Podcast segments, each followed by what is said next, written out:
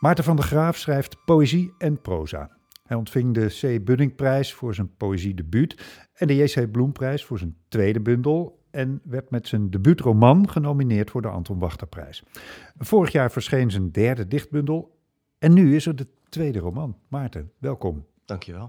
Ja, hoe werkt dat? Eh, je bent dichter en romanschrijver. Um, dient een roman zich aan of was het er gewoon tijd voor? Hoe werkt dat? Uh, ja, hoe werkt dat? Ik ben inderdaad uh, romanschrijver. Ben, ja, ben ik dat al? Ja, ik heb één roman gepubliceerd, dus dan, ben ik wel romanschrijver. Hè? Ja. ja. Uh, omdat niks ik meer dicht ben. nee, nee, er is niks meer aan te doen. Hè? Ik, ik denk dat de boeken onderling, of, of het nou een dichtbundel is of een roman, voor mijn gevoel ehm, reageren ze een beetje op elkaar. Hmm? Dus het ene boek komt een beetje eigenlijk uit het andere voort. Ik reageer op wat ik heb gemaakt en denk ik, oké, dan is dit er en wat nu? Mhm. Ehm, ik mis bijvoorbeeld uh, in, in dit boek mis ik iets. En dan ga ik dat zoeken, dan ga ik daar uh, dat proberen uit te werken. Ik denk dat dit ook een voorbeeld hiervan is. Hmm. Nederland in stukken, mijn laatste dichtbundel inderdaad yeah. die je noemde, die bevat allerlei dingen die eigenlijk zijn uitgegroeid tot deze roman, zou je kunnen zeggen. Wat voor dingen? Nou. Kan je dat benoemen? Ja, zeker. Uh, um, er, het laatste gedicht uh, van het is een lang gedicht van Nederland. De stukken bevat nog wel wat science fiction elementen. Mhm. En die uh, zijn later weer teruggekeerd in deze roman. Uh, dus er, zijn echt, oh, er is ook wel een duidelijke link tussen die uh, twee boeken. Terwijl het een totaal ander boek is. Er helemaal niet lijkt op die dichtbundel. En toch zijn ze verbonden. Mhm. Omdat het als afzetpunt fungeert. En ik moet zeggen, die dichtbundel was, zat vol geconcentreerde taal. Die als het ware als een soort pletwals de taal in elkaar had gedouwd. En nu wilde ik wel meer de ruimte in. En ik mhm. dacht ja, ik heb zin in allerlei doolhoven. Allerlei uh, personages die met je aan de haal gaan. En toen, toen ontstond er al snel een roman. Toen kwam er zomaar een roman. Ja, um, uh, ik, ik, lees heel even uh, de, de, beschrijving zoals die in de aanbiedingsfolder staat. Ira ja. woont in Dierenriem, een wijk waar het stil is op straat en alles gekmakend ordelijk verloopt. Maar dan kan haar zoon Chris om onduidelijke redenen de slaap niet meer vatten. Het keurige Nederland krijgt ondertussen te kampen met de veranderingen. Mensen verdwijnen, een technocratische orde genaamd de Engelen trekt achter de schermen aan de touwtjes en op parkeerterreinen ontstaan nieuwe allianties. Um, je had het net over science fiction elementen. Ik uh, krijg ook een dystopisch beeld hierbij. Klopt dat? Ja, ja, dat, ik zou niet... Ja, god. Um, ja, denk ik. Uh, dat zit erin. Maar bij dystopieën denk ik ook altijd wel aan, aan, aan ideeën. Grote ideeën over waar die samenleving dan wel of niet heen gaat. Hmm. Uh, en hoe dat eruit ziet. En ik denk wel dat dit een boek is wat gebruik maakt van uh, science fiction elementen en eigenlijk ook science fiction is. En tegelijkertijd gaat het over hele uh, ongrijpbare emoties, vooral, in plaats van over ideeën. Hmm. Over gevoelens die je maar moeilijk kunt beschrijven.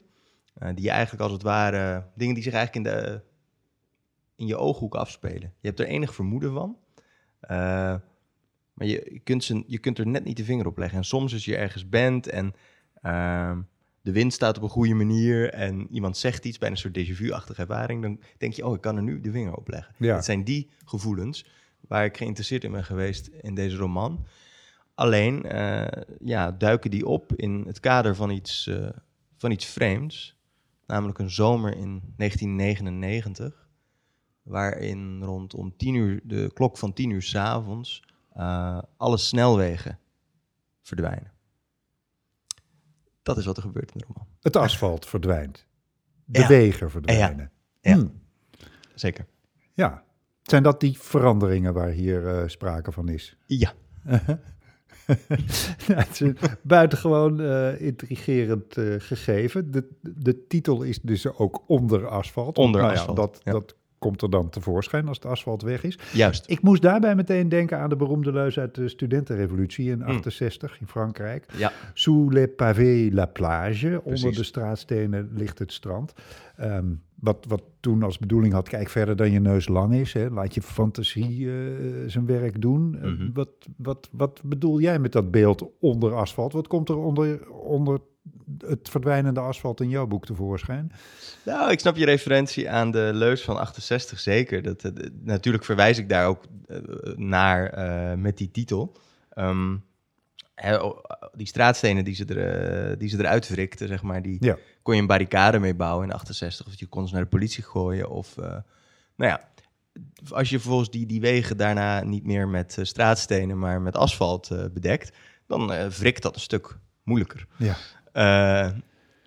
Dus, dus de situatie is nu dat je onder het asfalt moet kijken, wat ingewikkelder is. En het gaat inderdaad over het idee van het opvangen van een glimp van wat er mogelijk zou zijn.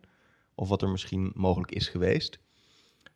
Politiek gezien ook. Hm? Eh, maar ook, qua, ook in, in, in de verbeelding inderdaad, die, die natuurlijk ook politiek is. Ehm, en daar gaat die roman ook over.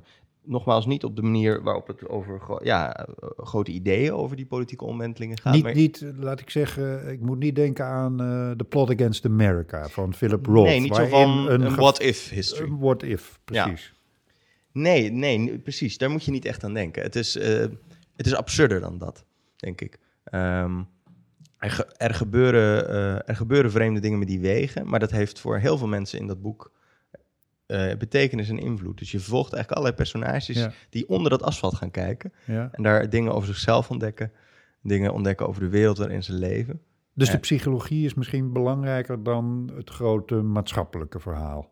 Ja, die zijn heel erg in elkaar gedrongen, denk ik. Die, het is niet dat het een minder belangrijk is dan het ander, maar eh, in plaats van een soort helikopter. Nou ja, er zitten best veel helikopters in, overigens. Dus dat is eigenlijk grappig dat ik het zeg. Maar een helikopterview waarbij je erboven hangt en denkt: wat gebeurt er nou allemaal in dat gewemel eh, nadat die wegen zijn verdwenen? Daal je heel erg af. Je begint in een. eh, eh, langs de A27. Er is een feestje van een, van een bank. Die heeft, eh, die heeft viert een feestje. En twee van de werknemers die lopen naar buiten om te gaan roken. En dan blijkt dus. Het asfalt weg. Ja. en op dat niveau Ja. ga je, ga, ga- duik je die wereld in. Ja, Ja. ja. Nou staat er in de beschrijving ook een ongrijpbare toekomst waar we ons al middenin bevinden. Nou, het, het lijkt mij een perfecte beschrijving van de huidige toestand. Ik, ik weet niet hoe lang je aan dit boek gewerkt hebt, wanneer je begonnen bent met schrijven, maar bedoel... 2019. Eind 2019. Eind 2019. Dus het wortelt niet in de pandemie, of heeft de pandemie zijn weg eh, in het boek ook wel gevonden?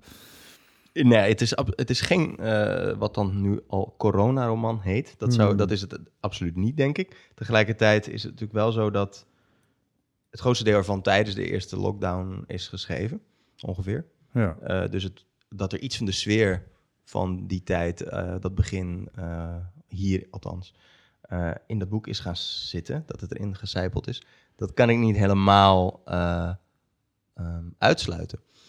Ehm, ja, ik, ik begon eind 2019 aan een kort verhaal waarin er een feestje langs de snelweg was. En opeens zag ik ze naar buiten lopen, bij de rand van dat asfalt komen en denken, waar is de snelweg? en hm, hm, hm. Wat is, zou dit een, het zou een interessant kort verhaal kunnen zijn. Voor ik het wist, eh, liep het ontzettend uit de klauwen en, en werd het een hele, hele roman. Eh, en het gevoel, nou, wat ik interessant vind aan de parallel die je trekt, is de, het gevoel, hoe, hoe zijn we hier nu gekomen? Hoe zijn we hier beland? Mhm. Hoe is dit ontstaan? Wel, waar begin je ook met dat verhaal? Eh, begin je dan ergens eh, op een markt of begin je veel eerder met hoe de wereld is georganiseerd en hoe ehm, we omgaan met dieren? bijvoorbeeld? Nou, je- allerlei vragen over hoe, hoe dat werkt. Hè? En wel, kijk je op maatschappelijk, economisch niveau, eh, Ja. virologisch, weet ik veel. Dat, dat voor de pandemie dan. En Zeker. eigenlijk is, is dat voor het boek ook belangrijk. Waar, het idee waar is de wereld waarin we nu leven begonnen? Dat vragen die personages zich ook af. Ja. Eh, op een heel andere manier en om een, he- een volstrekt andere reden. Maar ze vragen het zich zeker af. En we hebben natuurlijk, hoe je het ook went of keert, nu allemaal te maken met hoe we zelf reageren op Ja. veranderingen. Op veranderingen, zeker. Natuurlijk eh, zijn er voortdurend veranderingen. Ja. en, Maar ze zijn niet altijd zo ingrijpend. en ze zijn niet altijd zo ingrijpend in, het, in, het, eh, in de meest dagelijkse zin ook. Nee, dat klopt. Nee. Ja. Nou, dat maakt mij alleen maar uitermate nieuwsgierig eh, naar onder asfalt. En dat is er dan ook gelukkig op 20 mei. Dankjewel, Maarten van der Graaf. Dank je. フフフフフフフフフ。